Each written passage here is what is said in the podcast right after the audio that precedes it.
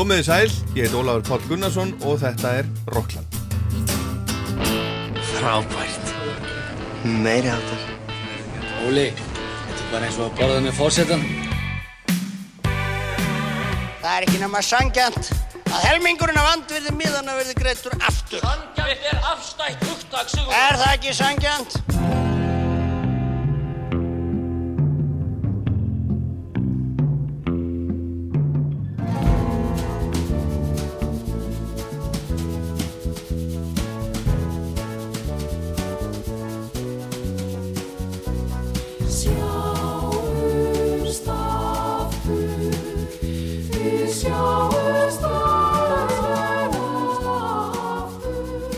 Dag er alþjóðlegur baráttudagur Kvenna, eins og þið vitið eflaust, þið sem hafa verið að hlusta útarpið að mistakosti. Við erum búin að vera að spila tónlist Kvenna í allan dag og ætlum að halda því áfram. Og í kvöld, það er átak í gangi hjá aðeldastöðum EBU í dag. Í fyrsta sinn, svona samstíga átak til að vekja aðtegli á tónlist Kvenna, konum í tónlist um alla Európu á alþjóðlegum baráttudagi Kvenna. Rockland stiður þetta auðvitað heilsugar en Rockland dagsins er samt undantekningin frá þessari reglu í dag vegna þess að gestu þáttarins er sá sami og fyrir viku popstjarnan okkar einn og sanna Páll Óskar Hjálmdísson sem sagði okkur fullt af skemmtilegum sögum á sjálfum sér fyrir viku og svo á milli dró ég upp lagaheiti úr hatti og hann sagði okkur sögurnar baku lögin. Og við vorum svo stutt á veg komnir í síðustu viku þegar tími var búinn að ég fekk Palla til að koma aftur í dag og segja okkur fleiri sögur af lífi sínu og lögunum sínu. Það er framhald og tilefnið er og var hálfrar aldar afmæli Palla núna 16. mars og afmælis tónleikar sem áttu að vera áttu að vera núna í vikunni 12., 13. og 14. mars í Háskóla bíói en Palli sendi frá sér tilkynningu í gær þar sem hann sagði að vegna COVID-veirunar þá ætluðu hann og Riggviðburði sem að halda tónleikana með honum að fresta þeim fram á haust fram í september eða jafnvel oktober. Palli sagðist ekki vilja stopna aðdándum sínum í hættu á neittnhátt og þess vegna væri best í ljósi aðstæðina að fresta bara tónleikunum. Hann var byrjaður að æfa við hljómsveitinni og segir í myndbandunum sem hann sett á Facebook í gæra að sjóið sé í raun klárt og það sé alveg svakalega flott. Hann hafi komið sjálfum sér í rauninni á óvart þegar hann hafi verið að líta yfir ferilinn og yfir, yfir lagasafnu sitt, lagalistan og hafa bara verið imponerður eins og ég held að hann hafi orðaða. En hver dagur í baráttunni við COVID-veiruna skiptir máli og samtalið við Palla sem við heyrum í Rocklandi í dag átti þessi stað fyrir rúmri viku þannig að staðan þá var önnur en hún er í dag áherslur yfirvalda breytast frá degi til dags en planið hjá Palla þegar við spjöllum saman var sem sagt að syngja á þessum þremur tónleikum 50 dag, 1. dag og lögadag og svo er stóri dagurinn á mánudegi 50 samanlið hvað þá? Og svo er ammali Hva, hvað ætlar að gera á ammalinu? Ég fer með fjölskyldu og vinum út að borða á apotekinu.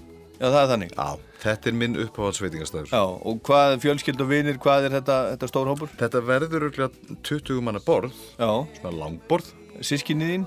Þetta eru sískin mín og makar þeirra og svo nánustu vinnir. Já og sumir reyndar eru því miður ekki búsettir á Íslandi og bara og komast ekki heim Já en þeir sem eru hérna, þeir mæta.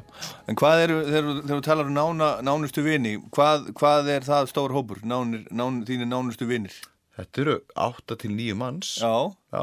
það var nú aðeins ríkur þá. Já, sem hafa alveg fyllt í gegnum þygt og þund og hafa þekkt mig já, í rauninni frá mentaskóla árunum, sko. Já, allt þetta fólk. Já. Ertu ekkert að bæta við þig vinum í, í sinni tíð? Skrítið, þú veist, það hefur bara ekki gerst. Nei. Þetta er svolítið förðulegt. Já. Kanski sannast hérna, kannski sannast hér hið fordkvæðina að þú eignast þína bestu vini oftar en ekki á mentaskóla árunum. Mm Mhm. -hmm. Annarkot í batnesku eða einmitt þessi fjögur ár, þessi þrjú fjögur ár sem þú ert í mentaskóla. Já, og endur það miklir umborða tímar í lífi Já, já. þessar hvers já, já.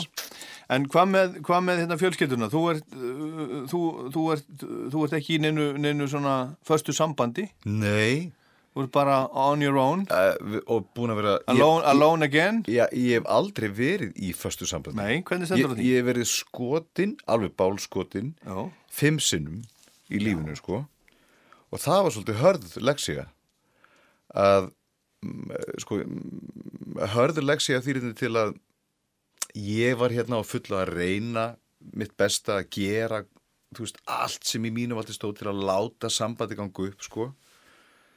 Uh, án árangus og það var bara hræðilegt. sinnum? ha, Já, já, og uh, rosaleg sko mm, ég hef upplefað alveg gríðalega höfnun persónulega í tilfinningalífinu. Um, allir þessir gaurar byrjuðu með einhverjum öðrum en mér. Fyrir fram að nefi á mér sko. Já. Og það var hræðilegt. Hvernig, hvernig stendur á þessu? Ertu svona, svona erfiður? Nei, ég held það ekki. Þannig að þú mundir vilja vera þú, eða, eða, þetta er kannski astnarleg spurning. Þú útilokkar það ekki að, að vera í förstu sambandi? Mm, Alls ekki. Nei, og meiri segja þá eh, sko hef ég fengið það mikla þráhyggju fyrir sumum þessum loverum. Þú veist, einum þeirra var í skotin í í átta ár, já, þú veist án þess að hérna, nokkuð gerðist. A, a, þú veist, áður en ég gætt náðanum út úr miðtöðakerfinu og öll þessi átta ár þú veist, þá leiti ég bara ekkit við neinum öðrum. Veist, og það var alveg sama hversu flottir gaurarnir voru þá var áhugin bara ekki mín megin. Nei. Þannig að ég örgulega hef líka brotið ykkur hjörtu sjálfur sko. Já, ég bara byggst innlega afsökunar á því. Já fyrir gefðu, Já. fyrir gefðu mér. Herðu, en, en það þýðir ekki að reyna að knýja fram sko, og, og harða leksíðan var svo að þú getur ekki reynd að knýja fram sambönd eða samskipti. Nei, og ég sé það núna og er, er, er smán saman að, að komast að þeirra niðurstöðu e, eftir öll þessi ár að uh, að gei kallmenn eru bara fyrir það fyrsta ekkit vola hrypnir af því að fara í först sambönd. Já það er bara þannig. Já. Og þe- þeir En við þekkjum samt mörg svo, svo leiðist dæmi. Jú, jú, vissulega, en ekki nógu mörg. Já, það er þannig. Mhm. og sko það er einhver líkar en- en við, við forðumst nánd Já, skít, skít hrætti við hana og forðumst skuldbyttingar Er, er þetta miklu minna hlutvall heldur en bara, þú veist, kallar og konur eða, eða, eða, eða lesbíu sambund? það, það hefur ekki gerð einn rannsókn á því Heldur ekki? Það hlýtur að vera til einhvers stað. ég veit það ekki Eitt, eitt brandarinn, ég, ég kann eitt voða að finna einn brandara Hvað er það fyrsta sem lesbía mætir með á stefnumótið? Ég veit það ekki. Flutningabíl að því þær flytja inn hjá hver annari bara Já, strax já. á fyrsta deiti sko. Já, já. á meðan strákarnir sko fara mjög varlega í þetta og mm, það er ekkert málastund að kynlíf Já, það, við, við erum mjög sko sexual strákarnir sko og kannski er þetta bara kannski er þetta svona stert í miðtöðakerfinu á okkur sko hérna, kannski er okkur kallmennunum bara ætlað að dreifa sæði okkar hérna út um allar jarðir til þess að hérna, fjölga stopninum og hérna uh, og svo þegar við erum búin að því þá þurfum við að fara þú veist á næsta stað sko. Um, kannski spila það inn í eða þá uh, að við hreinlega, e- ein kenningin er svo að við höfum um, ekki nægar fyrirmyndir eða fordæmi bara úr mannkynnsögunni fyrir svona föstum samböndum okkar á milli að því veist, samfélagslegi þrýstingurinn og refsivöndur kirkjunar í gegnum söguna veist, og, og bara ofbeldið sem homar hafa verið beittir í gegnum tíðina kannski uh, gerur okkur erfiðara fyrir. Núna þegar um, þegar við erum í rauninni að ná landi í réttindabaráttunni þegar þú veist lög og reglur eru konar á pappir og þú veist og, og við höfum í rauninni alveg nákvæmlega saman rétt allan hérna á Íslandi eins og gagginett fólk þá kemur stærsta verkefni og ég mitt sagði það sjálfur árið 1996 þegar lögin um staðfesta samvist mm -hmm. gengur gegn á Íslandi Já, það er svona langt síðan. Já, uh, að þá, þú veist, held ég á þessu blaði það var eitthvað A4 blað með þessari reglugerð og samþýtt og undirritað og ég horfði á þetta blað og ég hugsaði með mér ok, veistu þetta er bara eitthvað A4 blað sko. Og hérna svona lög og reglur, blað jújú, jú, takk, þetta er æði að, hérna, að samfélagið uh, viðurkenni okkur sko að því fyrir árið 1996 þá vorum við í rauninni réttlaus í rauninni ekki til. Þa, það var ekkert í íslenskun lögum sem að uh, var eitthvað gegn okkur eða á mót okkur? Þú veist, eitt af því fáa sem stóð í íslenskun lögunum var að kynlíf um, lögaldurinn sko var mun lægri milli Karls og konu heldur en milli tvekja stráka. Mm -hmm. skilur við, það var eina. En eh, það sem var hræðilegt það sem var hræðilegt við að vera þú veist, ósynilegur og réttlaus á Íslandi var svo staðrind að það voru kannski strákar þarna, það voru uh, stelpur búnar að vera í nánum samböndum í fjölda ára. Svo kannski deyr annar aðilinn. Og þá, ein, mæt, mætir fjölskylda hinn aðeins og reynsar út. Akkurat. Bara Já, já. uh, hú, húsgögn allt úr þessum húsum og hýpilum sem byggjum mörg ár. Og enginn gætt sagt neitt. Meini sko ég held á þessu A4 blaðið og hugsaði með mér, ok, frábært að fá þessu lög og þessu nýju réttindi. En nú byrjar stærsta verkefnið. Hvernig komum við fram við hvort annan? Mm -hmm. erum við næs við hvort annan? Eða erum við bara að gera tussur? Þú veist, erum við að umgangast hvort annan eins og kjötskrokka erum við mm, uh, sko í stöður samkeppni um næsta kjötbita? Skilur við, eins og dýr. Anyone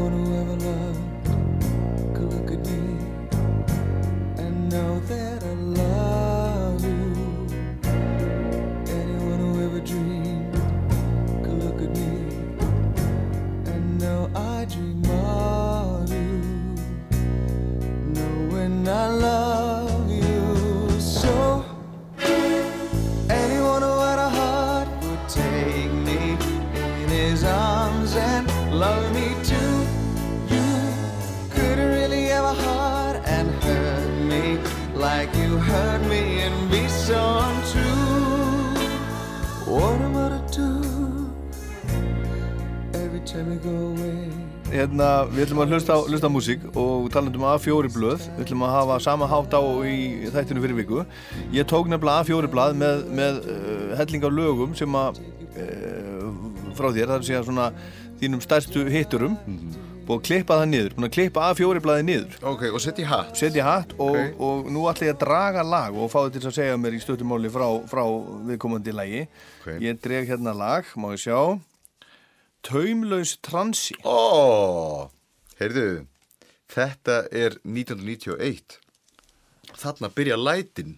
Já, Því þarna... er þetta ekki Rocky Horror? Já, þarna er ég enn í MH Já, og málur að ég tók þátt í öllu sem bara viðkom fjöraslífin í MH, öll þessu fjögur ár sem ég var þar. Þú veist, ég var auglýsingateknari. Bara að því þá, þá var hérna, þá voru tölvurnar ekki, þú veist, uh, farnar að hanna neina grafíka ráði. Þú þurftur að handteikna allar auglýsingarnar upp um allar veggi og hengja þær upp. Það var mitt hlutverk. Svo var ég þarna til skamstíma í skemmtinendinni, vídeofélaginu, kórnum hjá Þorgerði og leiklistafélaginu alltaf, alltaf að taka þátt í leiklistinni. Þannig að þið fannst gaman í mentaskóla Já. En lærður eitthvað? Nei, Nei, ok, haldur ég, fram ég læriði aldrei neitt heima. Það er að segja ekki í starffræði og, og svoleiðis Já, ég fekk alltaf fimm Já, já, ok Mhm. á, á öllum prófum og, og s- maður læriði rétt fyrir próf og skreið. Já, það er sama, það er, það er, eins og, það er eins og með tónlistaskólan sko, sem, sem þú talar um í síðasta þætti sko, þú æfðir þig bara rétt fyrir tíma Já. og lært rétt fyrir próf Þú ert ekki mikið fyrir yfirvald Mm, nei, og kannski líka, bara, og kannski líka nóg að gera. Já. Þú veist, í, í MH, Já, ég er að koma út úr skápnum og ég var ástfangin í fyrsta sinn og ég hefði nóg að hugsa heldur en einhverja starfræði. Setna, árið 2003, þá fekk ég smá komplex yfir því að hafa ekki útskrifast. já Af því ég var ennþá, þú veist, 30-40 einingar eftir, sko, í, En- stú, í en. En þetta í dag. Já, En 2003 þá hérna fekk ég smá e- eitthvað komplex yfir þessu og hérna sá það að ég var búin að forðast alla mína skólagöngu uh, alla valáfangana sem snýru að raungreinum. Já, ég forðaðist að taka starffræðina jarðfræðina, eðlisfræðina uh, líffræðina uh, og þýskuna af einhverjum ástöðum þannig að uh, 33 ára gamall þá tekkaði ég á því hvað ég gæti gert og ég sá að ég gæti farið upp í ármúla fjölbreyt í ármúla og ég hafði tíma til þess að vera með krökkunum í dagskóla já, já. bara þarna satt ég 33 ára Já, þú gerði það? Já, já, ég var með 16 ára krökkum bara í Já. skólanum í öllum raungrinunum Já, já. veistu, þetta var svo gaman Já. En ertu student? ekki núna, ekki ennþá Nei, ok. ég, ég vildi bara tekka á þessu hverju stæði sko. Já. það sem gerist er að ég fer í jarðfræðina, eðlisfræðina, efnafræðina ég fikk tíu í þessu öllu vegna þess að námstækni mín hafði einfallega gjör breyst aðtikli mín hafði gjör breyst og vinnu aðferðir mínar hafði gjör breyst voru bara orðnað miklu þroskaðri. Mhm.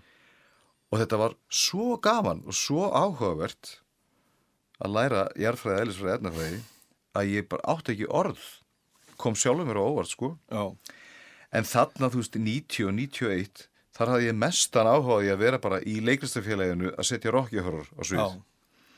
og við fengum Vetulega Guðnason til þess að þýða þetta Steinun Þórhals sem vinnur hérna ennþá á Rúf og Breki Karlsson eiginmaður hennar til margar ára þau kynntust í MH hann er núna formaður neytindasamtökana Aha. við vorum leikfélag MH Já, já. Rettuðum sagt hérna, þessu leifi til að sitja þetta á svið og Kolbrún Haldurs var þá sagt eh, að vinna hjá bandalegi íslenska leikfélaga eh, sem eh, var okkur innan handan við að retta leifinu og það var bara gefið að hún myndi leikstýrisu og ég þekkti vetulega Guðnason bara úr hommasinunni hérna á Íslandi en vetulegði var þá svolítið ekkert svolítið heldur bara hann var þýðandi Íslands Já, já. og hann þýtti til dæmis textan að ég er eins og ég er Já, já.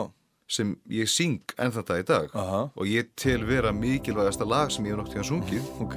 í lífinu Ég er eins og ég er, hvernig á ég að vera eitthvað annað? Hvað verður um mig ef það sem ég er er bölvað og bannað? Er þá líf mitt að fela mig og vera feimin? Mitt líf var það til þess sem ég kom í heiminn Fúlt finnst mér það líf að fá ekki að segja Ég er eins og ég er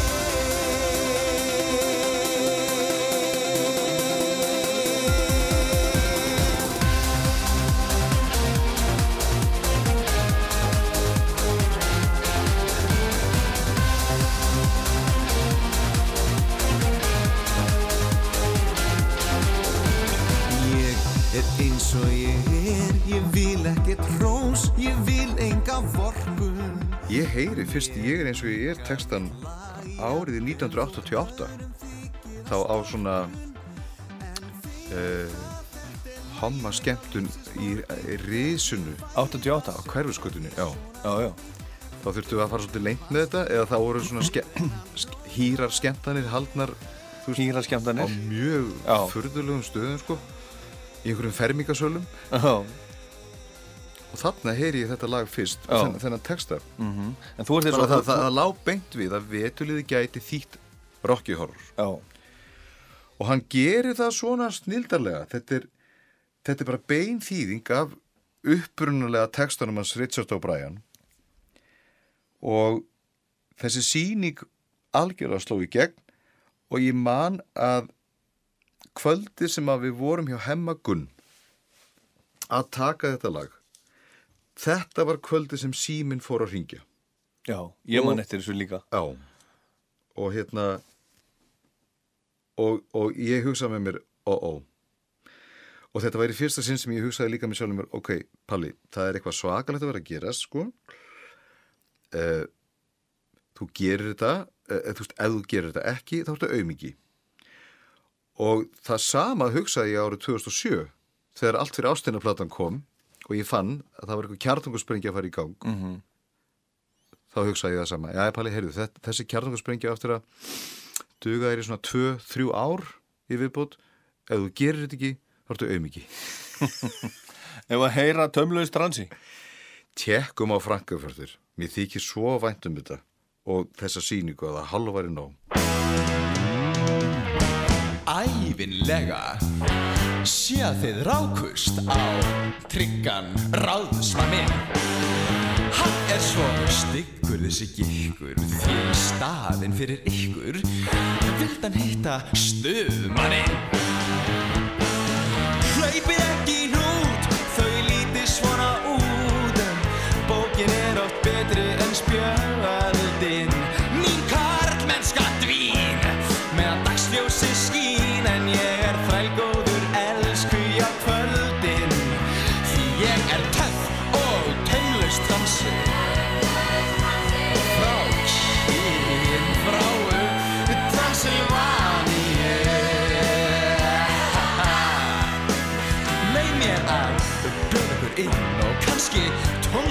sinn Þið verðist bæði geðvekk og glaðlind Nú ef þið viljið á sjónrænt en ekki ósiðrænt Gætu við litið á gamla Steve Reeves minn Það var gott að hitta á þig hér.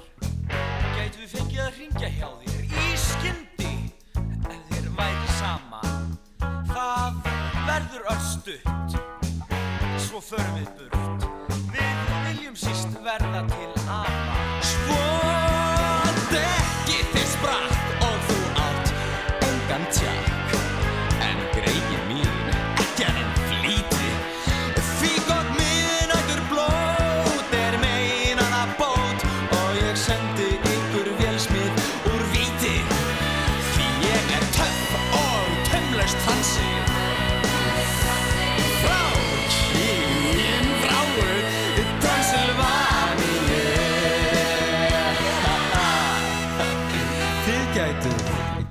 Gist hér í nótt.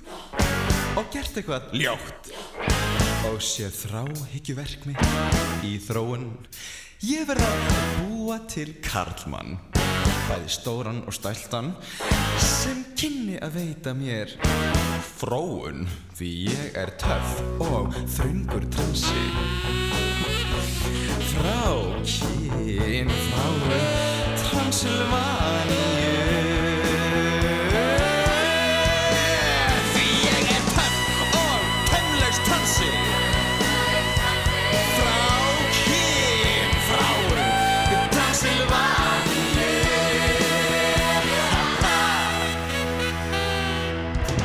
Sjáum hvað tilrauna stofan. Geymir hér fyrir ofan. Þennan til löggunar titring ég þekki. Nema rigning og rók sé of þungbært og þá afnem ég okið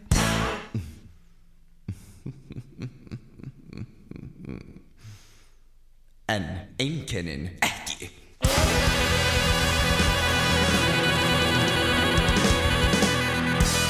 Þið eru að hlusta á Rockland, ég heit Ólaður Páll og Páll Óskar situr hérna á mótið mér og hann er að segja sögur og þú ert svona svolítið eins og raketapalli, maður veit ekki hvert þú ferð. Nú? Þú ert eins og, já, mm, hérna, þú ert að segja frá einhverju, svo kom alls konar hliða sögur og þú fer svona eins og raketa sem, að, sem er með, eh, ég er ekki að segja að þú sett með broti prík, sko, en það er eins og, eins og raketa sem er broti prík, hún fer bara, maður veit ekki hvert hún fer, sko. En það, að því En þetta kemur alltaf niður á endanum. Þetta tengist allt saman á svo yndislegan hátt eins og svona þetta snákaspilið sko. Já, þú veist. Það, það. Já, það er einhverja tröppur sem leiðið eitthvað annað. Já, og, En, og alltaf sagt eh, ég held ég að við aldrei unnið neitt eitthvað einn. Mhm. þetta verður alltaf verið samstarf við eitthvað gríðalega fallegt og hæfileikaríkt fólk. Já, sem tengist síðan uh, svona órjóðum bönd, einhverjum böndum á, já, já. Á alveg indislegan hátt sko. Maður gerir ekki raskat einn segja þér á aldrei fór í söður Nei, einmitt, Sammála orða því. því Herðu, en Palli, þú, þú hérna, sko, ég man fyrst eftir þér e, minnir mig einhvern veginn, sko, e, ég tók fyrst eftir þér þegar þú söngst hérna, e, nú held ég heim. Mhm. Mér fannst það svo flott, mást þú syngja það svo, svo svakalega vel. Það, er- það er úr Rocky er, Horror. það er lokalegið Já. úr Rocky Horror Og, og svo hérna, svo, svo var Rocky Horror sett upp aftur núni fyrra, eða ekki? já Og þú varst aftur í sama hlutverki, í borgarleikur alveg til í það, Já, já, já. passaði þér í sama kósilettið, Já, já, já, ha, alveg og alltaf, alltaf gaman. Ég, ég þurfti reyndar að vinna svolítið fyrir því Já, er það? að komast aftur í það Já, en, en ég ætla meira að halda þessum vexti núna ég er, ég er að leika varnarleik í rektinni núna já ertu, ertu alltaf í rættinni? Þrísar í viku þá lifti ég, já, Já, Ég er með svakalega flottan þjálfara. Já, þú ert með enga þjálfara alltaf? Já. Þessi, Er það nauðsynlegt? þe- þe- þessi uh, kallar ekki allt ömmu sína. Nei, Ha- Hann þjálfar íþróttafólk sko. Aha. Og Hver er- er- heitir- er maðurinn? heitir- Hann heitir Hilmar Björn. Alltaf kallaði Bjössi. Í, í ekki Bjössi, ekki Bjössi World Class Nei, En við erum í World Class. Þið eru í volklass, hann er Bjössi Já. Eftir sótur Já, umsetin Já, og hvað hérna, hvað gerir hann fyrir þessi sem, að, sem að aðrir hafa ekki náða að gera fyrir þig? Alltaf eh, kemur hann með eitthvað nýtt Alltaf eitthvað sem ég hef ekki gert áður Alltaf er ég með harspurur þegar ég kem heim Er það? Og það er indislegt Ég er búin að vera hjá hann í fjögur, fimm ár Þa- viku? já, Og er, er það nóg til þess að halda sér í svona, svona formi? Sko, E- málið er ég, að ég lifti hjá honum Já, En svo nota ég sko allir þessi dansiböll og, og þetta sem ég er að gera til að brenna. Þar svitna ég eins og svín. er það? Já. Þannig að þegar þú ert að performera þá ertu í rektin í leiðinni Í rauninu, já. Já, Bara ég heppin. heldur betur Já. Og þess vegna kannski hefur maður náða að halda sér svona. Bara, Já, Þetta gengur út á það að svitna og detoxa. En svo þetta líka að passa upp á hvað þú borðar, sko. 80% af þessu er mataræðið. já Hvað borðar popstjarnan? Vistu, þegar ég var í MH á sínu tíma, þá fór ég að slaka aðeins á rauðu kjöti. Ég, ég færði meira, mig meira og meira yfir í sko, kjú, létt meti eins og kjúkling og fisk. Og hef haldið því síðan, ég get alveg borða rautt kjött, þú veist, á jólunum. Já, en þú ert, að, þú ert ekki að kaupa það sjálfur að elda? Nei, Ekki ekki einu sinni íslenska lambakjötið sko valla. Það eina sem gerist, ef ég borða rautt kjött eða eitthvað svona í þá áttina, þá verður mér bara ílt í magan. Veist, það er mjög erfitt fyrir skrokkinn að mér að eiga við þetta. Þannig að þess að læti ég þetta bara óhreift. Og það er kannski, veist, ein ástæðan fyrir því að maður hefur bara verið heilsurhaustur og lítur vel út og mm, hérna Já, og vonandi fæ að vera, að vera heilsuhraustur áfram. mm -hmm. Ég þekki fólk á mínum aldri, núna, 50 ára eldra, sem að er að glíma við bara mikla heilsupresti. Og þannig að núna er ég bara, ég held ég hef aldrei verið þakkláttur fyrir að vera í lægi. Og ég passa mig líka á því að sofa alltaf 8 tíma á dag. Stundum fæ ég bara 6 tíma eða 7 tíma, skilur en ég reyni alltaf þessum 8 tímum. Já, og svo það maður bara að passa svo að fara ekki í fílu já. Banna að fara í fílu Já, en ferðu þá, þá snemma að sofa palli þegar þú ert ekki að, e, ekki að performara eða sefur þú fram eftir? Sko um helgar þá er maður stundum kannski að vinna til fjögur. Já, stundum skrýð ég heim, ég er kannski komin heim klukkan 5 eða 6 á mótnana ekkert og leiður á því? Leiður? Já. Nei, Nei, ok, held áram sko það, ef ég sopna klukkan 6 þá þýðir það bara það að ég vakna klukkan 2 á sunnudeginum eftir hátíði en annars þá venjulega þá kannski sopna ég klukkan 1 hálf 2 mm -hmm. fer eftir hvað ég er að horfa á spennandi bíómynd. Og vakna alltaf svona nýju 8-9 á mótana Herðu, það komið að lægi.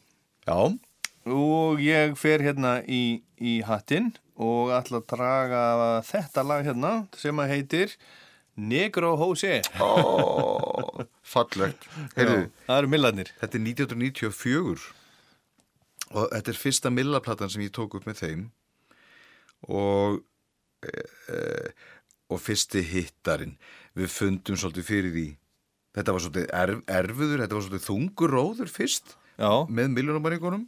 já, að leysa bókumil fond af Já. Holmi. Ég byrjaði semst að spila með þeim á Ömmu Lú Mm. Haustið 93 en akkurat þá eru miljónamæringarnir bara með sjóð heita plötu í gangi sem hétt ekki þessi leiðindi. Það var bókumil fond og. Og, Söng, söngst eitthvað af því? nei, Ekki jú, jú, jú, við sungum þau lög sko. Já, já. En málur að bókamíl font sjálfur, sko, Sigtryggur Baldursson, trómari, flutti af landibrott. Já, Ég held að það hafi verið alltaf kona sína í einhvern lífefnafræðinám já, já. og þannig að millarnir þurftu söngvara, bara núna strax, uh, Sjóð heit ljónsveit. m- mikið af giggum framöndan.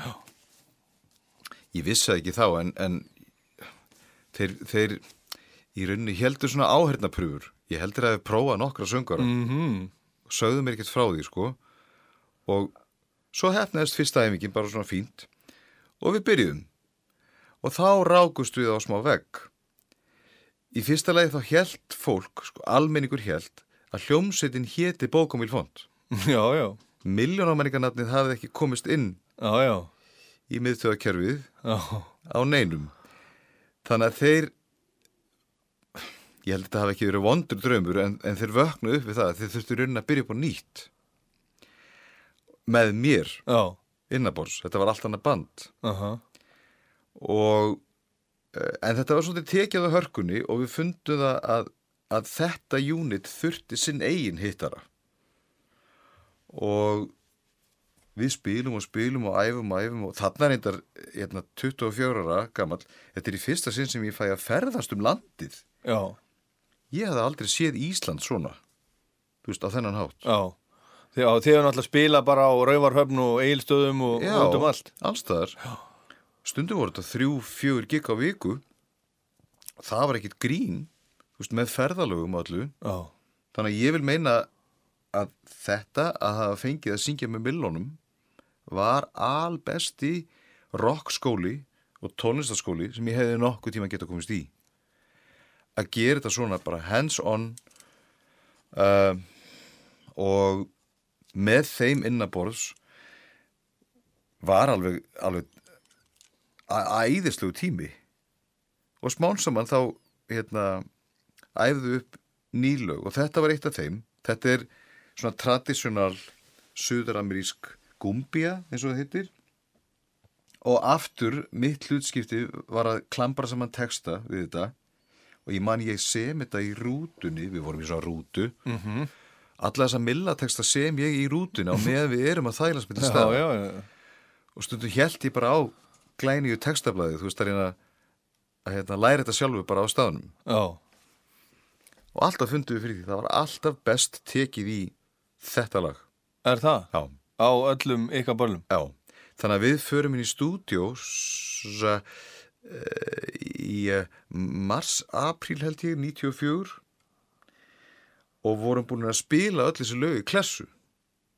Þau voru full æfð þannig að það tók ekki langa tíma að taka upp plötuna Já, upp í hljóðrita og svo kemur þessi plata út í kringum svona 17. júni 94 og þá kveikti fólk á, Þá var það komið. á, á mér og miljónamæringarnafninu og það var allt vittlust og þetta var, þetta var dásamlegt dásamleg kyrsla í kjölfarið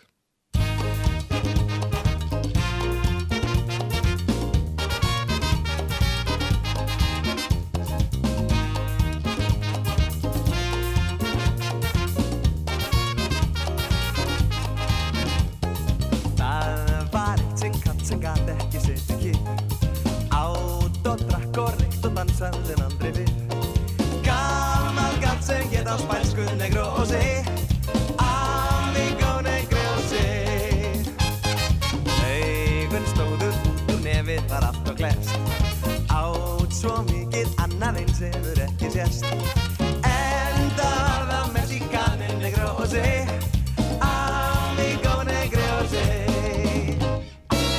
Síðan sagði Mexikanin negrósi Eres diablo pero amigo negrósi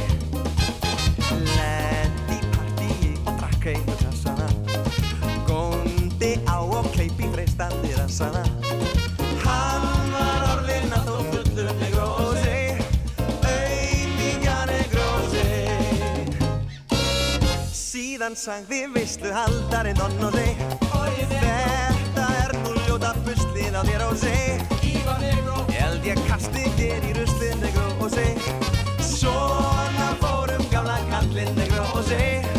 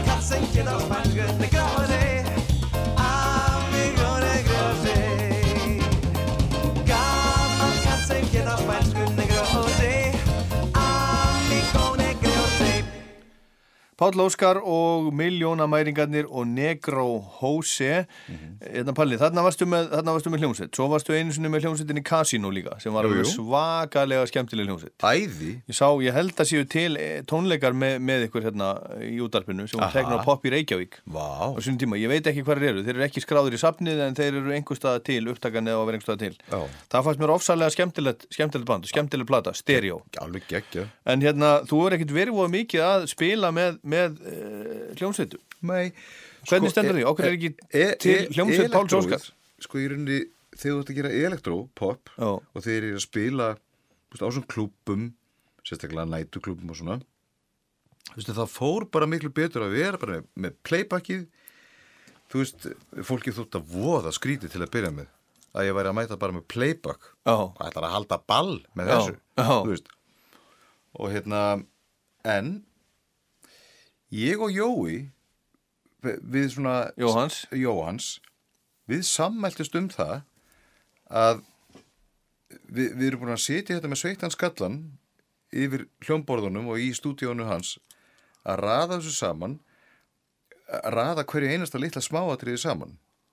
Og það fyrir gríðarlega vinna og orka í það.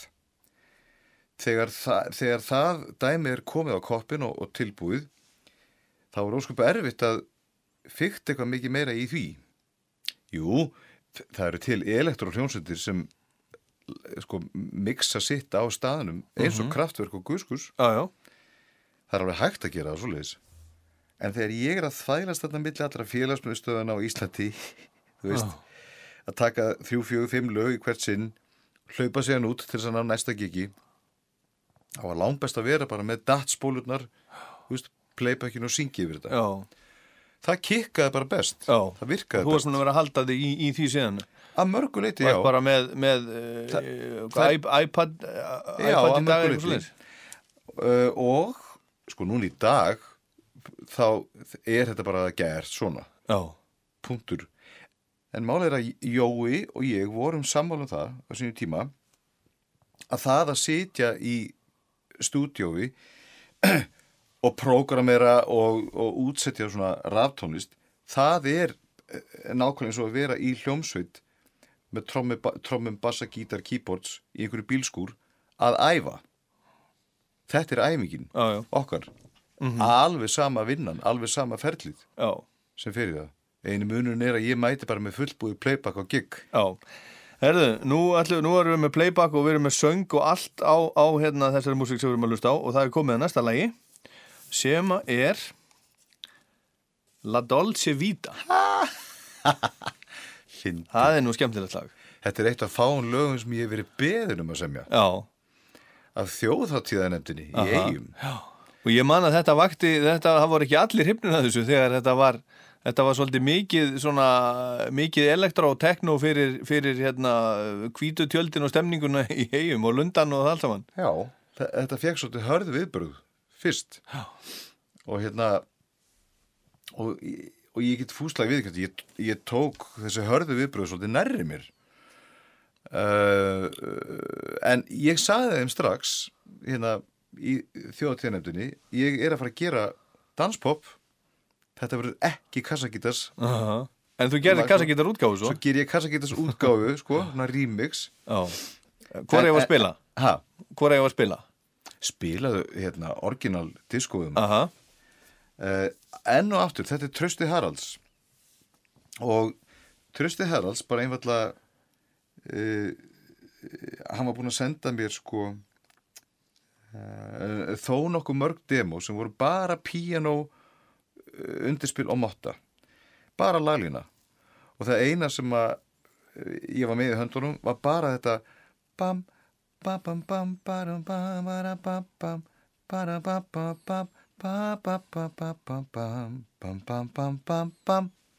Þetta var það eina. Restina, Kom þetta frá honum? já, Já. og ég ringi í Örlegsmára sem ég er þá að vinna með alveg fullu og saman þá settistu Örlegsmáru niður og byrjuðum að vinna útsetningu við þetta, búa til restina, búa til vers og bridge að því ég fann strax, ok, þetta er kórusin þetta er skrítin kórus þetta er, hann, þetta er opin kórus sko. En þetta á eftir að virka. Þetta á eftir að gera sig. Og svo fer ég til New York mann ég að því þetta er akkurat sumarið 2011 þá er ég nýbúin að uh, að massa þessa sinfoníu tónleika með sinfoníu Íslandsrættin í hörpu þá var harpa nýopnuð og þetta voru fimm tónleikar alveg fimm sólarhinga í röð með tilhennandi vinnu. Og ég fyrir til New York man ég í mánuð til að fá sömafrí og kvíld og ég man ég lendi í New York fer inn í þessa íbúð sem ég fekk að vera í og ég svaf í fimm sólarhinga Já. ég bara rétt að vaknaði til þess að pissa og fara þú veist, niður í í, í kjörbúðina á jarðhæðina og fá með súpu. Já, já. og inn í þessari íbúð þá kláraði ég vers, kórus, texta. Ég var bara með, með örli í símanum. Og við svona mörguleiti unnum þetta bara í gegnum síman og svo fann ég lítið stúdjó í New York söng þetta inn þar uh, og vókallin sendur heim ekki klárar þetta að mixa þetta. Og mér fannst þetta geðveikt. Og það var einmitt þess vegna sem að hérna, það, sló, uh, það var þess vegna sem fyrstu viðbröðun slóðu mig svolítið. En svo er það svo skrítið að sko kannski eru þjóðatíðalög svolítið eins og jólalög. Að þau kannski virka ekki alveg fyrsta árið þú hérna gerir þér ekki alveg grein fyrir hvort að jólalægið sé að fara að gera sig næstu árun eða ekki. Sko næstu árin verða bara að skera úr um það. Já. og núna er 2020 en þann dag í dag er alltaf lang, lang skemmtilegast að flytja þetta. Þú veist, jafnvel þóttu þetta sé kjánalegt og þú veist, þetta er hérna Flytja það þetta hvar er þá? djamt, bara það sem ég kem fram Það sem er kemur ó- fram? ótrúlegt, Er það? ótrúlegt allir kunna þetta Já. utanbókar og hérna og þetta er bara djamteksti þú veist og ekkert annað og um, já, í rauninni reynd djamlag sem þjóðatíð er svo sannlega fyrir margum Nú er ég búinn að gera mig sætan Sjóðitur ég verð að mæta og upplifa. La Dolce Vita. Nú er ég búinn að reyma skóna Til að dansi nótt við töfra tóna í. La Dolce Vita. Aha, ég segi það satt. Hef bundið á mikið Svo ég á það skilið. Að gleyma mér aðeins Og bílast í friði Með beautiful liðið En röðin er laun Og dalurinn hlaðinn Ég mæti á staðinn. Því þegar ég dansa Er eins og ég svífi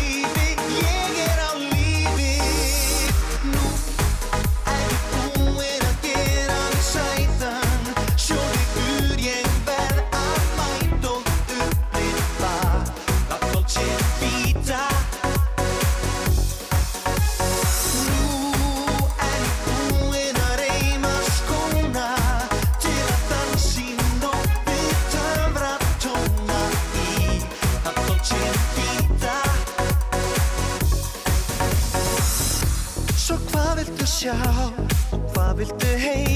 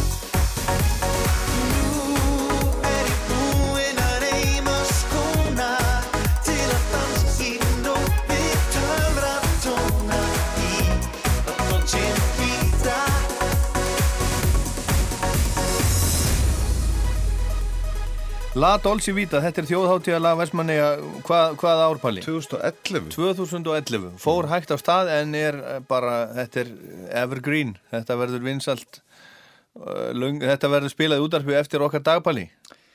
Já, og, ég, og þetta er eitt af þessum lögum sem ég sé skora mjög hátt á Spotify. Já, akkurat, einhver hann úti hefur einhvern áhuga. Akkurat. Hérna, við vorum að tala hérna um áðan að þú, þú varst að hlusta á nýju plötuna frá GTRN og þú hefur sapnað mikið af plötum, átt mikið af plötum og þú ert, þú ert eins og ég, þú átt mikið af geisladiskum og þú ert ekki að fara að losa þig. Já, þú ert ekki að fara að losa þig við geisladiskana þína. Nei, Nei. Ég, ég er með heilt herbergi heima hjá mér sem, sem lítur út eins og blanda af vídeolegu og plötum Já, gott, gott Hérna uh, Ferðu í plötubúðir Kaup, Kaupur nýjar, nýjar plötur á vínil Bæði Lucky Records, já, Já. og Emma skreppu nú til útlanda veist, það, það er ekki mikið eftir af svona búðum því miður sem selja fastaformið mm, En þannig að- sem þannig að eftir upp- þær lifa. Já, þannig að upplifunin að fara inn í búð já, og, eh, og, og rjúka í gegnum allt það sem er í bóði með höndunum, með berum höndum því miður er það að verða liðin tíð. En á- internetinu, þú veist, eru starraktar margar netverslanir akkurat. sem er mjög gaman að rúla í gegnum og, já, og ég þú fæ það, það. fæ þetta oftar en ekki sendt heim í posti, Já. þú veist, það sem ég fíla En, en að, að öðru, sko, þú ert búin að vinna með, eh, þú saðir hérna í þættinu fyrir viku að eh, svona þeir, þínir helstu samstarfsmenn í gegnum tíðina væri annars vegar eh, Jóhann Jóhansson, heitinn, Já. og Örlegur Smári. Já. Er eitthvað að þessu unga fólki sem að er heitast í dag sem að þið langar að vinna með? Sko, ég, Og va ertu- ég var að vinna lag með honum Byrni, rappara Já, já, og honum Þormóði sem er bara heitasti pródusent Íslands. Sem við hefum eftir að heyra. þið er eftir að heyra það. Ég Hve- lofa- hvenær kemur það? Ég lofa því að þetta lag verið hjúts Ég ætla bara að leifa Byrni að ráða því. Já, já, Þetta er hans plata, hann er núna að gera plötu í eigin mætti, Aha. rappplötu og þar sem Byrnir syngur ekki beint já, þá, það, það vitt svo til að það eru þrjú lög á þessari plötu sem eru svona gríðarlega melodísk og falleg og hann fær aðra söngvara til að syngja þau Já, já, og þetta er eitt af þeim lögum já. Þetta er eitthvað sem þú er búin að taka upp. Ójá, Já. En, en er fólk ófeimið að hafa, hafa samband við þig? veistu, ég er ég fæ mjög oft rosalega fallega pósta Já, með demóum Já. uh, Sum demóin eru korki fugl, fugling fiskur uh, Stundum eh, eru þarna alveg ágætis lög sko uh, sem hafa á, ágætis potential en ég heyri það strax að ég kannski tengi ekki beint við þau. Ég er kannski ekki rétti söngvari til að syngja ákvæmt þetta. En þá fi- finn ég strax og ég heyri strax hvaða söngvari það getur verið. Já, já, og ég gef frekar boltan bara yfir á hann já, þú gerir það. Já. En hvað með þín sjálfan? Ert þú, þú ekkert að svona með radarinn úti að, að og netin úti að reyna að fá einhverja til þess að vinna með þér? ekki beint Af hverju ekki? nei, sko ég er bara svo sáttur við það sem komið er núna og sko núna þá hérna þá er ég í fínum málum ég er að vinna uh, núna EP-plötu með honum Bjarka Hallbergs sem er enn eitt sénið hann og Jakob Reynir Jakobsson þeir eiginlega próduseriðu síðustu plötuna Kristarsplötuna 2017 Já, sem er þín síðasta plata. Já, og e, ég og Bjarki erum að gera svona EP dansverkefni sem að mun örgulega líta dagsinsljósið góða við þetta. Á þessu ári? Hvað er þessu eða næsta? Já, Það er þetta lag með Byrni. Ég er líka að vinna eitt lag með e, talandum Rabba, trommara. já, Heldur ekki að sonur hans Rabba, hann Egil, trommari. Já. Hann er að vinna popmusik með vini sínum. já, já.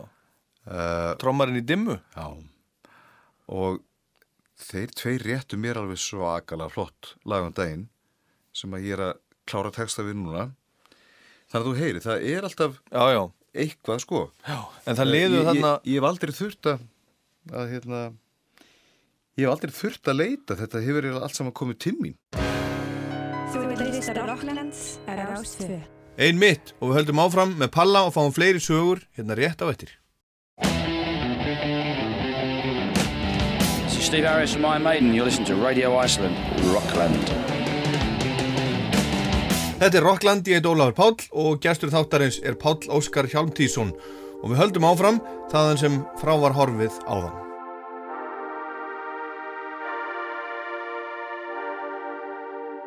Síðan ég sá þig fyrst Allar götur síðan eyði ég deginum með þig á heilanum Síðan ég sá þig fyrst Finnst þér ekkert annað mikil svert Merkilegt magna hvað ástinn getur gert Öll tengst við sjálfan mig róðinn En þú varst að tala hérna áðan um að þú, þú hafir svona séð fyrir þér að þú myndir lifa í svona kannski 2-3 ár á, á allt fyrir ástæðanplötuna en þau eru tíu, það kom ekki plata fyrir tíu áru setna.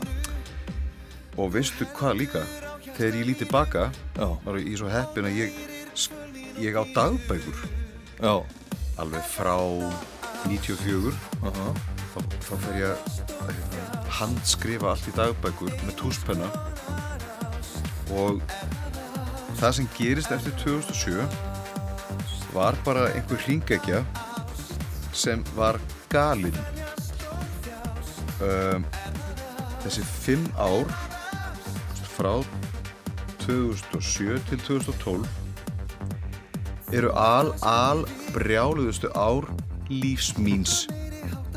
Allt annað sem gerist fyrir þann tíma var bara einhver upphittun í alvöru. Ég hef aldrei upplifað um, önnur eins læti í lífinu og þessi fimm ár. Ég veit ekki hvort ég vilji upplifa svona álag aftur nokkur tíman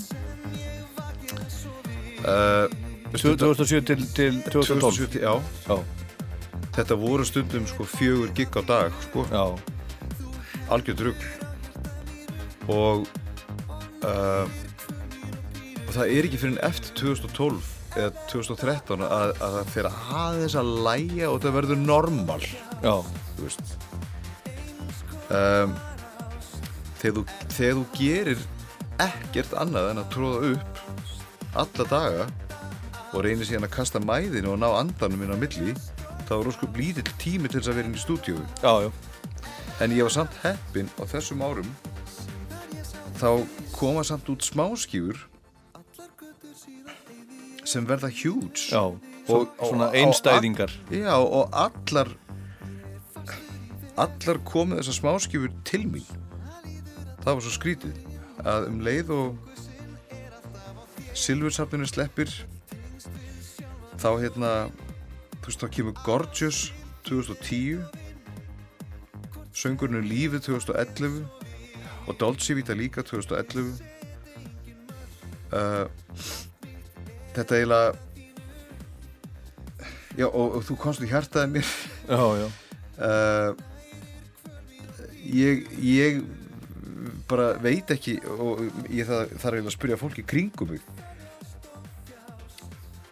hversu, hversu margir tónlistamenn á Íslandi hafa, hafa fengið a- að upplifa svona álag af þessari stærðagráðu í þessi 5-6 ár? Kannski eiga flestar svona popstjörnur einhver 5 ár æfisinnar sem eru brjáluðu árin. Já, já, svona, eins og þú. Já, Þannig að þú lítur á þennan tíma 2007-2012 sem brjáluð árin. Já, Herðu, við ætlum að draga lag og nú er gaman að sjá hvort það er Gorgeous eða, eða eitthvað af þessum, þessum einstæðingum sem að þú varst að gefa út þarna á þessu tíma.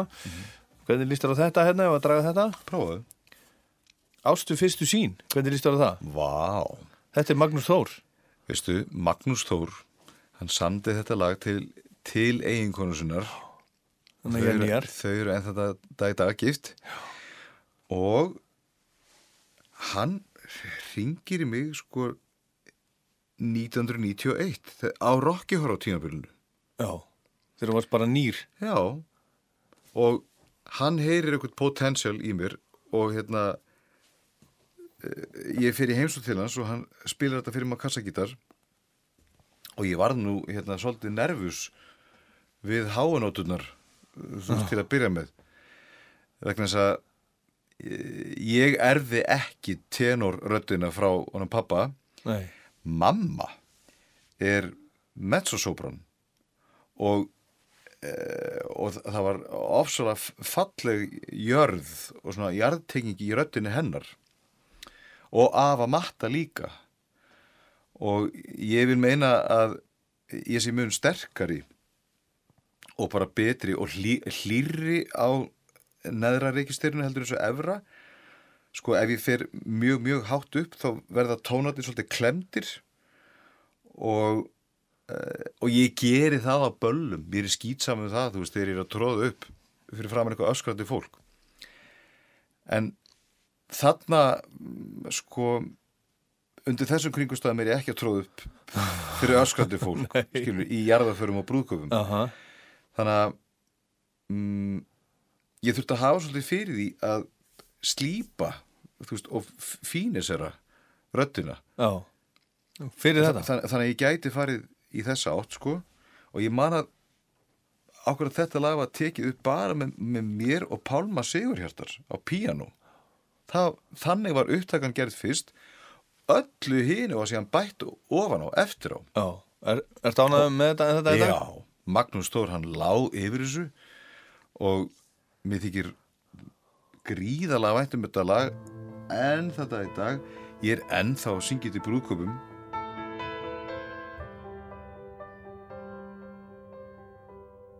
Ég elska þig heitar en orð geta tjá.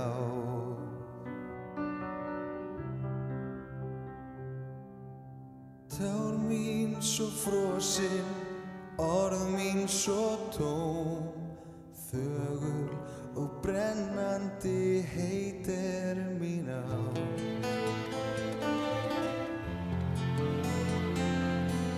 Ég man er ég leit fyrst í augu þín vitandi allt? Já, ef steinar og jörg gætu talað sagt frá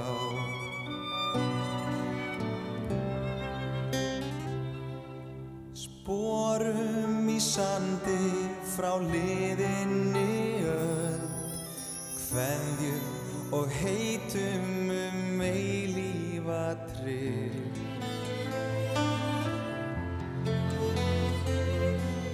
Ég veit, ég hef elskað þig áður og elskað þig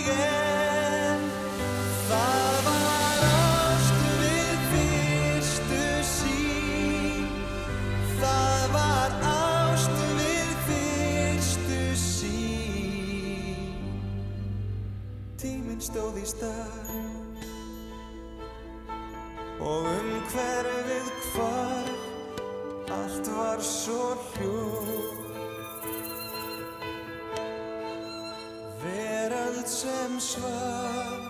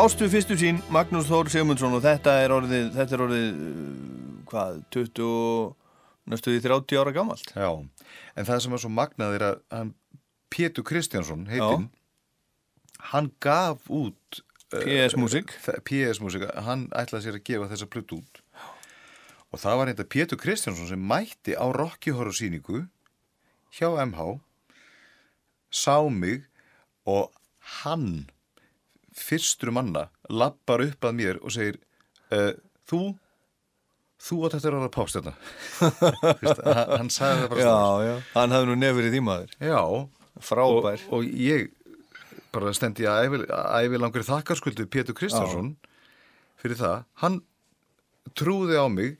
Hann gefur út semst, soundtrackið eða uh, plötuna með tónlistin úr Rocky Horror fyrir það fyrsta, það var PS Music sem gaf það út hann ítir mér í stúdjó hjá Péturi Hjaltesteð og lætur mér syngja Tiluru fræ og Indestett líf Já, uh, á svona húsmaðra já, já, minningar. Minningar. Já, og hérna og það var mann í fyrsta plata sem ég fekk gullplötu fyrir mér leist ekkert á þetta fyrst Er það ekki? nei, mér Þetta er svo fallegt. mér leist ekkert á það það var hvorki hippni kúl hjá 21 árs gömlum rebel að verða ykkur húsbara söngvari sko.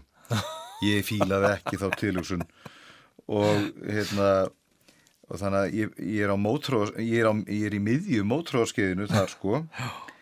En hann létt sig ekki og, og Pétur fattaði líka að ástu fyrstu sín ætti eftir að virka fyrir mér sko. En svo eh, lendir Pétur í svona miklum fjárhagskrökkum og ástu fyrstu sín verkefnið og öll svo plata með Magnús og Jóhann hún lá bara ómiksuð í kössunum, sko segulböndin voru bara óhreyfð í held ég ykkur 2-3 ár. Eh, af því það var ekki til neitt budget til þess að klára þetta.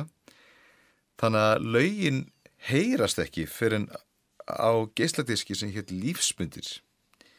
Eh, ég held að það hefði komið út árið 93 jóli 93 og fór ekki hátt.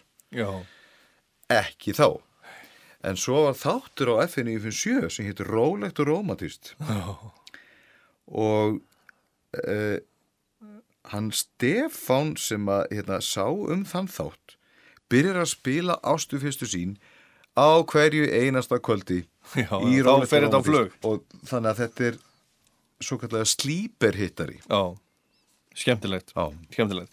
En hérna uh, Við fórum aðeins yfir það í síðasta þætti hvernig þú semur, uh, þú færið einhverja svona grunna sem að þú syngur syngur svo yfir, en þú átt alla textana. Já, og, og semur og alltaf texta bara við lögin sem eru komin, þú sest aldrei niður til þess að þú ert ekki stattur einhver staðar á sólaströndi eða í lest eða, Nei, eða einhvers staðar og aldrei- skrifa texta og, og, og lætur einhvern hafa. Aldrei hef ég upplifað neitt slíkt. Nei, Að- þú að bara semur af Na, eða svona. Ég, ég ætla að fæ ekki innblástur að því að fara í göngutúr uh, á ægisíðunni og horfa upp í skíin og hugsa Guð, ég þarf að hlaupa heima sem ég laga um þetta. Nei, og þú ert ekki með svona skrifublokka á ná, náttborðinu. Þú ert ekki að fara að sofa og hei, þetta er frábær lína hérna. Nei. Uh, Ég sko ef, ég sest niður að skrifa þá einmitt, þá spyr ég einmitt. ég spyr laglínuna. Já, um hvað ertu? Uh hvaða energi er hérna í gangi Aha. ef að fara að semja hérna baróttu söng fyrir eblingu Já, eða er þetta grín? Mhm. eða er þetta bara stuðlag? Er þetta lýsing á okkur stuði? Veist, eða á ég að fara í karakter? Einmitt. Uh, sko þetta þarf fyrst að vera á hreinu. Og svo mæli ég með því áður þú sem er poplag að uh, gerðu kórusinn fyrst. Já, jafnvel hérna kottu með nafnið á læginu fyrst Já. og hérna því ef þú semur, ef, ef þú gerir ekki kórus fyrst og ferð okkur átt hína leiðina, þú veist, ef þú kemur allt í um eitthvað vers sem að þið finnst aðeinslega vel hefnað og, og hérna, þið finnst fungara þá getur þú lent í vandræðum með kórusin um, Málið er að versin verða að þjóna kórusnum Kórusin er drottningin í læginu Kórusin er það sem að fólk þarf að pikka upp, tengja við Já. og helst söngla með. Ekki vera hrættu við að semja lög sem fólk síðan blístrar út á götu. Akkurat. Ef þú vilt búa til abstrakt tónlist uh, sem að eh, sem að hlýðir ekki þessum lögumálum sko og ætlar ég að fara að semja ljóð, þú veist, eða ég hérna, eh, búa til texta sem er svona, svona eins og gáta þá er það alveg þið besta mál. Ég, ég fæði rosa kikk út úr því líka. Mhm. en gerði mig þá bara eitt greiða ef þú ert hérna, textahöfundur, þú verður að vita svari við gátunni. Já, ég skilur, já. Ekki búa til eitthvað þú veist, orðagjálfur eða eitthvað leirburð og eitthvað flip. Nei, eitthvað sem að hljóma ræðislega vel en er bara ekki um neitt. Ég meina ef, ef að lag er ekki um neitt þú getur alveg búið til lag sem heitir bum bum bum þú veist og það getur líka virkað. Það er, það er ekkit rétt eða rán Nei, ég veist, skilur þessu, en ég mæli bara með þessu og ég mæli með þessu að fenginni reynslu. Ég hef gert vers sem að mér finnst æðisleg og svo klambra ég saman einhverjum kórus sem síðan dettunuðu döður sko. Já, þannig að kórusinn fyrst. Já, Ef að sjá hvað, eh, hvort þið getum sungið með næsta lagi? Aðtöfaðu Draugum lag. Vá! TF stuð. Já, þetta er demo sem að ég fæ frá honum Jóhanni Jóhansinni og ég held að nafn þessa lags komi frá óttari proppi. Já, já. Þetta átti að vera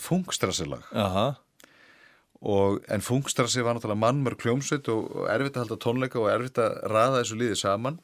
Er ekki Emilína Torrini í bakgröndum hjá þeim og, og, og Ég veit ekki með það. Það var allavega einhvern tímann. Ég, ég veit að Maggastína var þarna.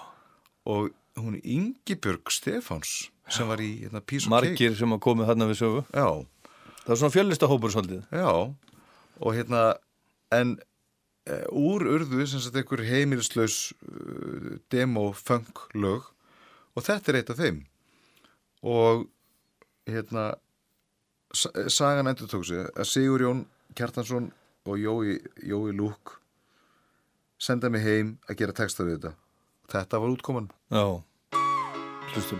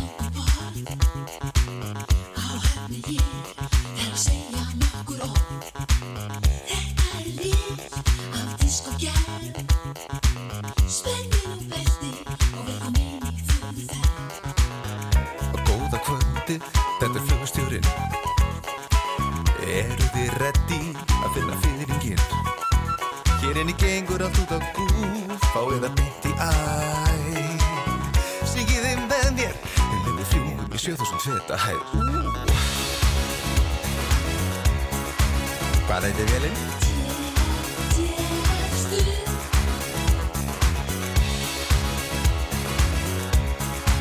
Hvað heitir velinn?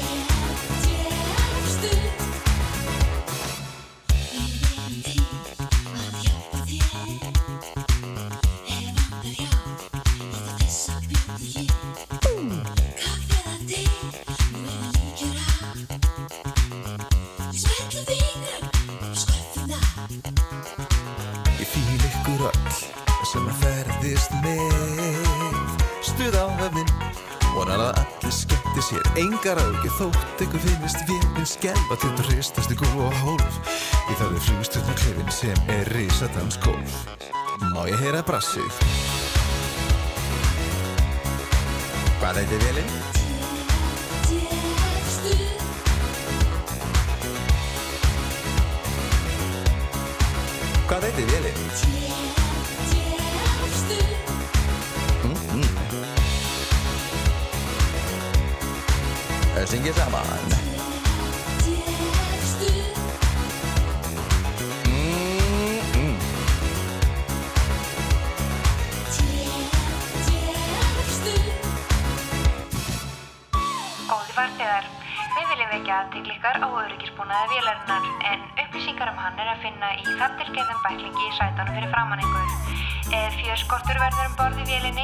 falla sjálfkrafa niður stuðefni skrýmur. Berið þær að nefnumenni og andið eðlilega. Góði farþegar, þetta er flugstjórun ykkar sem talar. Þetta er stuð flug 714 til Glanslands.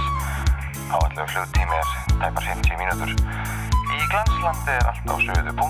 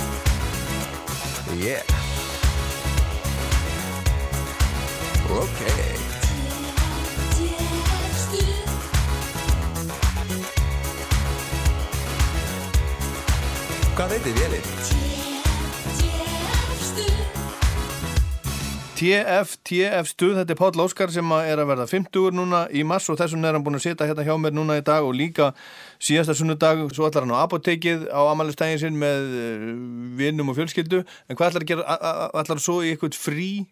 Ætlar í eitthvað ferðalag, ertu búin að, búin að skipulega eitthvað? Ég, ég hérna, ætlaði að fara í ferðalag en ég snar hætti við núna um daginn að ég held að blessuð koronaveiran verði komin út um allt. Já, og ég, ekki- ég vil frekar vera bara í sótkví heima hjá mér uh, með kísónum mínum Já. að horfa á eitthvað flotta bíómyndir af Já. filmu Ertu hrættu við þetta? Nei, ekki ég persónulega uh, en uh, það er samt óskup kjánulegt finnst mér að, að þælast fattur til Greiklands og verið í sótkví á einhverju hóteli á Mykonos Já. sko. Ég held nefnilega ég, þetta, sko- ég Ég að þetta eigi eftir að hafa sko svoleiðis áhrif. Það er kannski, þú veist, kannski ekki svo bráð hættulegt fyrir, fyrir alla og, og fólk sem er í, er í góðu formi. En ég held að þetta eigi eftir að hafa áhrif á bara hvernig við bara lifum okkar lífi á næstu mánuðum sko. Já, og þú veist, það er, það er engin trygging fyrir því að veist, Eurovision keppnin verði þarna í Rotterdam þú veist, nú eh, heyrum að fregnir að því uh, þetta getur sett ímestætt úr skorðum sko. Já, já. Við skulum ekki fara nánar út í, út í það. En hérna, uh, sérstaklega vegna þess að þú ert yfirleitt, þú ert yfirleitt svo jákvæður. Ertu alltaf, ertu alltaf jákvæður? Ertu alltaf í, í stuði? og- ég, ég, var það ekki Nei. þegar ég var yngri og- brjálaður sko þá alveg komið dagar þar sem ég vaknaði þú veist og uh, kýldi vekjara klukkan á kjaftin þú veist og það fyrsta sem maður segja bara helvitis stjórn sem anskota enn einn helvitis dagurinn sko og Hvað svo? svo þegar maður einna, prófar bara að hætta því og e- ef þú tekur bara þá ákvörðun að vera í góðu skapi þú veist, ef þú trúir því að eind sé valkostur Er það? Já, þá er það bara mjög auðvöld, já Þú getur verið í hvaða aðstæðum sem er þú, ég, ég geti uh, segjum ef ég, ef ég upplifi eitthvað træðilegan heilsubrest eða, uh, eða jafnvel slís og er rúmlíkandi veistu, jafnvel undir þeim kringustöðum þá ræði ég í hvernig skapi ég er ég ræði alveg hvort ég sé góður sjúklingur eða ekki sko En hvað heldur núna allir þeir sem er að díla við alls konar þunglindi og kvíða og allt þetta? Hvað heldur þeir segja við Pál Óskar? ég hef aldrei upplifað þungliti í lífinu þannig að ég er ekki veist, maður til að tala við um það þungliti eða kvíða ég hef alveg haft áhyggjur veist, en þegar ég skoða það betur þá eru þær áhyggjur á rökum reistar um, ég áttur á móti kýs bara að ganga inn í daginn svona með þessu viðhorfi að vera í góðuskapi Já. vertu sunny side up Mhm. vertu með glasið hálffullt ekki hálftónt Já. Málið er að ég hef líka fengið minn skerf af mjög erfiðum verkefnum ég get bara lofaði því að ef þú uh, ert í góðu skapi þegar erfiðu verkefnin koma þá er bara mun auðveldara að díla við þau já, já. þú verður að díla við verkefnin sem þú færið já, já. það getur enginn tekið upp frá þér Mhm. og þú veist ekkit hvaða, hvaða já, já. lífsvef uh, þínar örlaðan orðir er að spinna. Akkurat. Um, ég passa mig líka á því að spyrja mig ok, nú gerist þetta, nú kom þetta hvað á ég að læra af þessu? Hvað á ég að læra af þessu? Hvað get ég lært af þessu? Og ég spyr mig líka ef eitthvað kemur upp jafnvel einhverjir árefstrar eða reyðurildi eða eitthvað að, þá spyr ég mig líka ok, nú gerðist þetta hver var minn þáttur í þessu þetta er al, al besta spurning sem ég get spurt sjálf, sjálf á mig. Stundum kemst ég að því að ég átti engan þátt í þessu. En ef ég kem auga á einhverja bresti sem að voru á minni ábyrð og eru mínir að þá eru ímsa leiðir til til þess að díla við þá bresti og ég bara klára þá byggast afsökunar á því sem þú hefur gert borga tilbaka skuldir skilur eða því sem þú skulda fólki reyna að vera aðeins meira næs og smán saman ef þú temur þér þetta viðhorf, þetta er bara viðhorf attitude þá verður mun auðveldara að tölta í gegnum daginn. Eh, eh, ég vil ekkert eitthvað lifa í einhverju veist, bleiku kaninulandi þú veist. Það, ég hef engan áhuga á því. Mhm. lífið er bara ekkert svoleiðis. Nei. en ég geri mér þetta allt mun auðveldara Mhm. bara með þessu viðhorfi Já, jákvætt er viðhorf. bara eind er valkostur Eimdi valgástur. Herðu, það er spennandi að sjá, við höfum ekki eftir að heyra mörg lög í þessum þætti, en við höfum eftir að heyra kannski tvö Mhm. og nú ætla ég að draga upp úr hattinum næsta lag og ég ætla að draga þetta hér sem að heitir Þú komst við hjartað í mér. Vá. Og, og það gerði það svo sannlega sko. Já. hann Toggi kom með þetta lag. Hann kom í heims og tímin ég mun aldrei gleyma þessu. Hann kom bara með kassagítarinn og söng þetta lag fyrir maður ennsku þetta hétt Cupid. Já, já. og hann hefur svo fallega söngrödd að það fyrsta sem ég hann var bara akkur syngur þetta ekki sjálfur? Sko, en það, þarna var ég að vinna allt fyrir ástinarplötuna. Aha. Og en nei, hann uh, læti mig hafa þetta lag og eitt, eitt annað demo sem hétt Þekktaði eitthvað? Eða þekkti þú hann? Mm, ég vissi af honum Já. hann var búin að taka upp eina sólarplötu þarna sjálfur sko En kom hann, kom hann bara og bankaði og... sko, ég kynntist honum í gegnum að Bjarka Jóns Já. ég og Bjarki Jóns uh, þekktust frá Fornumfari og Bjarki var semst að pródusera fyrstu plötuna hans og þarna var hann búin að eiga flottan hittara sem hétt Heart in Line. Mm Já, fínt lag. og hérna þetta er svakalega falleg söngrönd sem hann er með sko. Og og ofsalega falleg lög. Að einmitt, þetta sigursæta sound sem að ég er stöðugt að elda og sama sagan, endur tekur sig ég gerir texta við þetta. Ég og Bjarki fyrir mín í stúdjó Tokka var skýt saman um hvernig þetta myndi hljóma. Og við gerum þessa hérna, diskóútgáfu svona há- hásútgáfu og þegar hérna þegar allt fyrir ástina platan kemur síðan út þá var það allt vittlust og hérna og sumarið 2008 þá er hún búin að seljast. Rauninni þetta, þetta er komið. Ég var bara farin að pæla í sapplötunni sem átt að koma út 2008 um jólun þá ringir símin og í símanum er hann högni í hjaldalín og ég mun aldrei gleyma þessu símtali. Hann spyr mig, heyrðu, Palli, það er hann lag á alltaf ástinarblöðinni hann ætlar ég alveg nekkert að gera við þetta lag? Ertu að meina að þú kosti hjartaði mér? Já. Nei, þú veist mér fannst þetta ekki volað dýrt kveðið eitthvað, þú veist. Á diskobar ég dansaði frá cirka 12 til 7 ég, veist, ég var bara að rifja upp laugaveg 22 Já, já. 22 er svona þar sem ég slít barskónum Aha. Í dansi? í dansi sko og hérna mm, þannig að þetta, þetta var um það Já.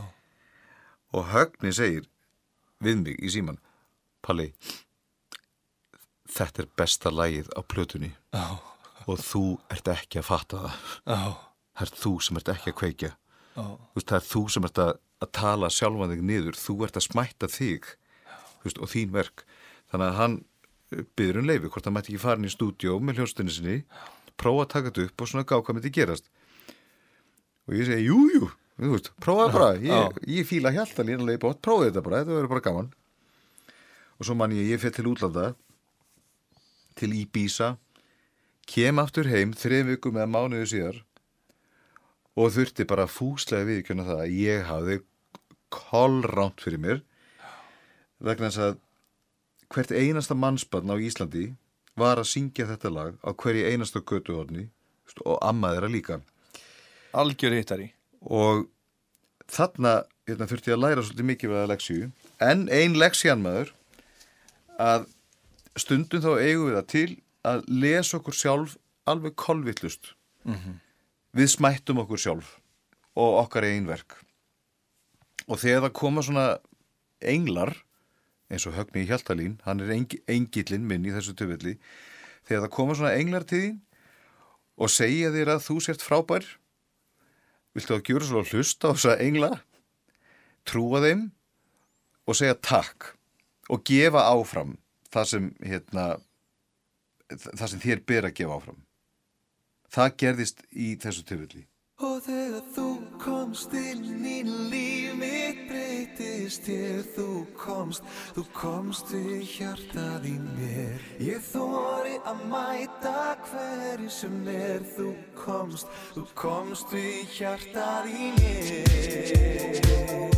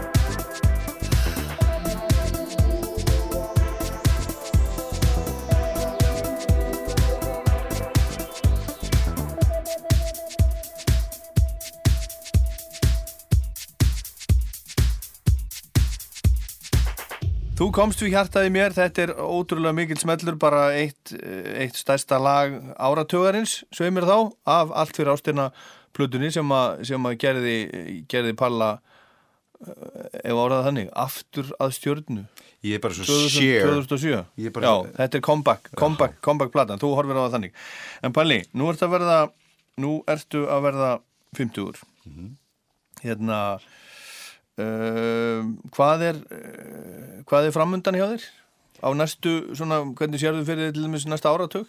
Halda áfram að skapa list Já. og halda áfram að gera hennan gjörning þessa gjörningalist sem það er að tróða upp Já, þú ert alltaf bara með pallaböll, bara DJ-a og performera. Já, Og það er alltaf koma- jafn gaman. Það, það koma fleiri ásáttíðir, fleiri tónleikar uh, ég, ég held að það sem eftir að breytast núna þegar maður eldist ég finna á sjálfum mér að ég fíla alltaf meira og meira og betur og betur að tróða upp fyrir sitjandi áhörundur þar sem aðtiklin er alveg óskipt.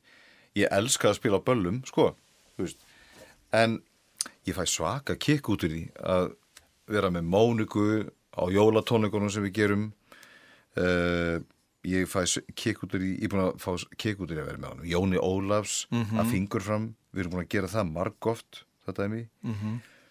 mm, og ég held að ég sé smá saman að fara að færa mig meira þangað.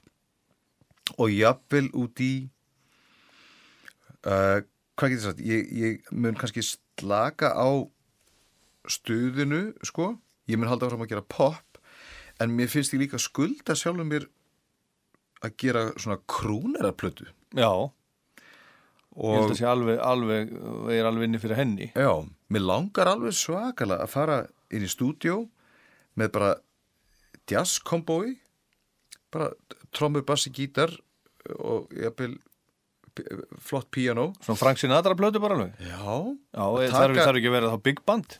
ekki endilega. Nei, Þú veist, það er bara að taka upp heila plötu bara með, þú veist, gítar og bassa já, já. og prófa að syngja standarda. Það er að gera heila plötu, veist, bara á ensku og aðra á íslensku. Þetta er nóg af flottum standardum sem maður kannski hafa ekkert heyrst mikið. Já. En ég veit að ég get gert alveg. Já, ég Ég, ég finn að þetta blundar í mér sko. Mhm. Og svo hérna, svo uh, skulda ég líka sjálfum mér að hérna, fara að gera meira af uh, bíói og vídeoverkvöldnum. Ég, kannski fer ég í veist, kannski fer ég að vinna ykkur á stuttmyndir sem síðan kannski verða uh, að bíómyndir fyrir lengt.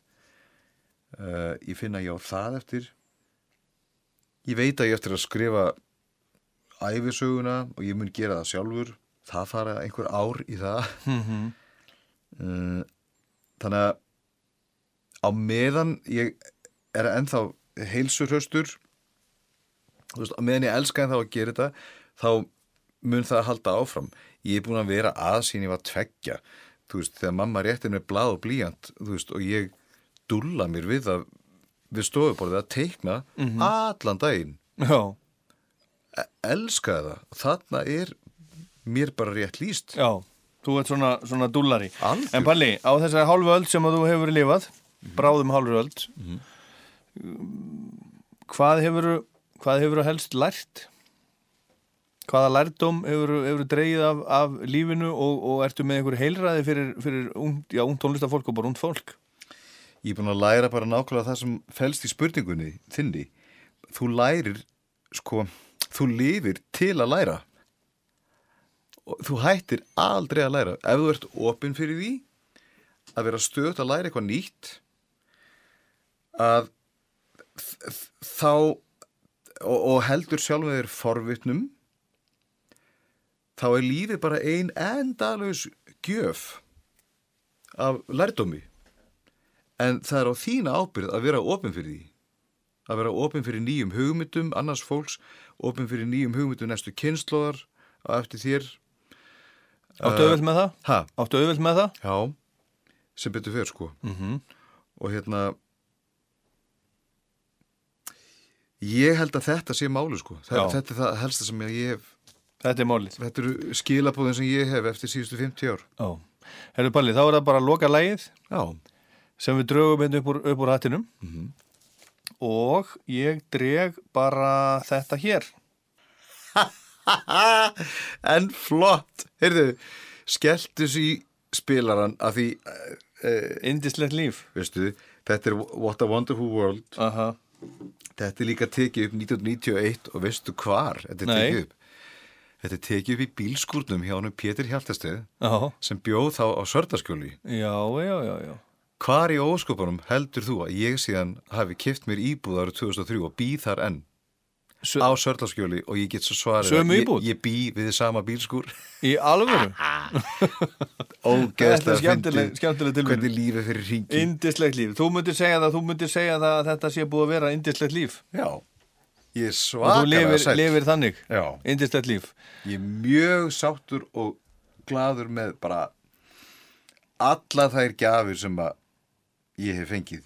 Frábært. þær halda áfram að koma. Þótt ég, þótt ég ekki kærasta god damn, ég bara nýt uh, bara mjög vel minna eigin samvista við sjálfa Já, gott. Herðu Palli, það er búið að vera indislegt að spjalla við þig. Takk fyrir komuna. Takk svo Til hamingju með, með ammælið Það verður eitthvað og í á apotekinu yes. á ammælistægin.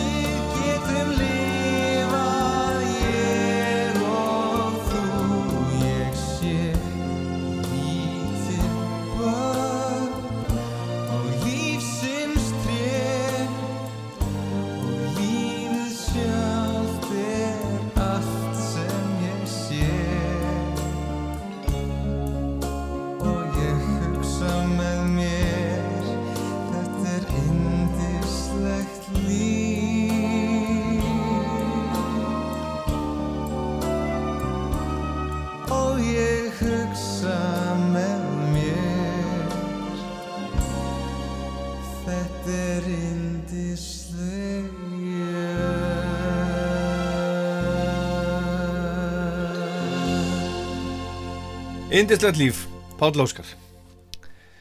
Ég endur tek það sem að ég saði hérna í upphafið þáttarins. Þetta spjall fór fram fyrir rúmri viku en í gær sendi Palli frá sér tilkynningu þar sem hann sagðist alltaf fresta 50 ára ammælistónleikunum sínum, þrennum uppseldum tónleikum í Háskóla Bíó fram á haustið, september-oktober vegna COVID-19 veirunar sem heldur betur er farin að skeikja heimsbyðina til dæmis svona, það er verið að fresta og aflýsa allskins viðburðum og samkomum um allan heim og þá heflust eftir að halda eitthvað áfram. En þeir eru búin að vera að hlusta á Rockland með Páli Óskari, getur fundið fullt af eldri þáttum á rúf.is í rúf spilaranum og podcast á Spotify og iTunes til dæmis og svo minni ég líka á Rockland mælir með lagalistan á Spotify sem að hægt er að fylgja með því að velja hjartað. Ég heit Ólaður Pál Gunnarsson. Takk fyrir að hlusta. Heimann frá mér leiðin lág Læri Allt mitt undir eina þrá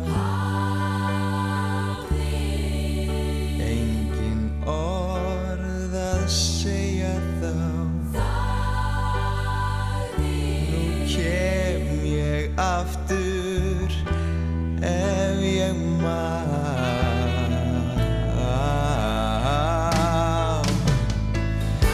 Ég sá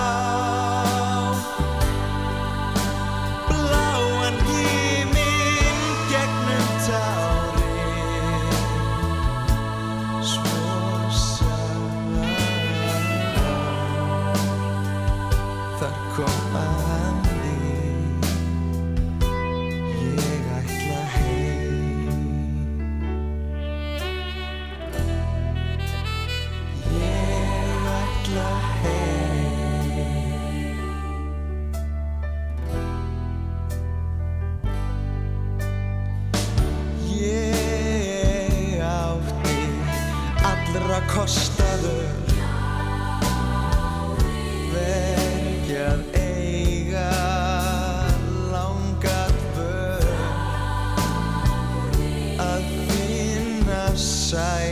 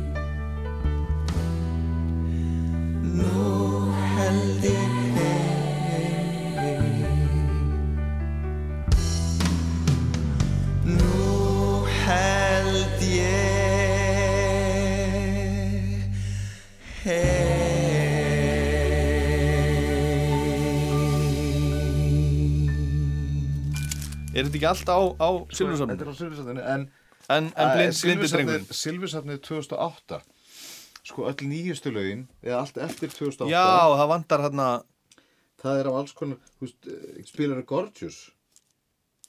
Ég veit Nei. það ekki. Nei, ég held að við hefum ekki dreigið Gorgeous. Nei. Ég kannski Þú dróst ekki sönginu lífið. Nei.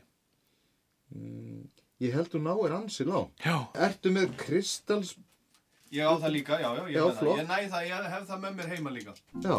Kvotum, förum, förum fram. Akkurat. Í öðrum hvorum söng sem nú er sungin er tómt svart sínis raus og textaskáldin sínast mörg sorgum þrungin. Já langt upp fyrir haus. En ég vil heldur syngjum björtur hlýðarnar á æðinar braut ég er ánaður ef ég á söng í hjartanu og saltkorn í minn graut. Já, syngjum um lífi og lofum það líka. Þó að peningana skorti getur hamingjan gert með næði ríka.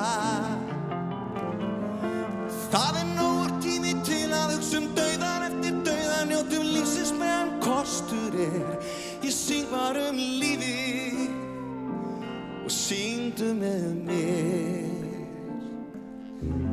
Þó að jarðskjáltar elgos frost og fárveri sé frétta efni þá er fegurðin og ástinn já sólskinnið hið rétta efni. Sem er þess við að það sé leitað og notið sé vel því að bjart sín og bros og gleð í sálinni er best það ég til Já, syngjum um lífi og lofum það líka. Þó að peningana skorti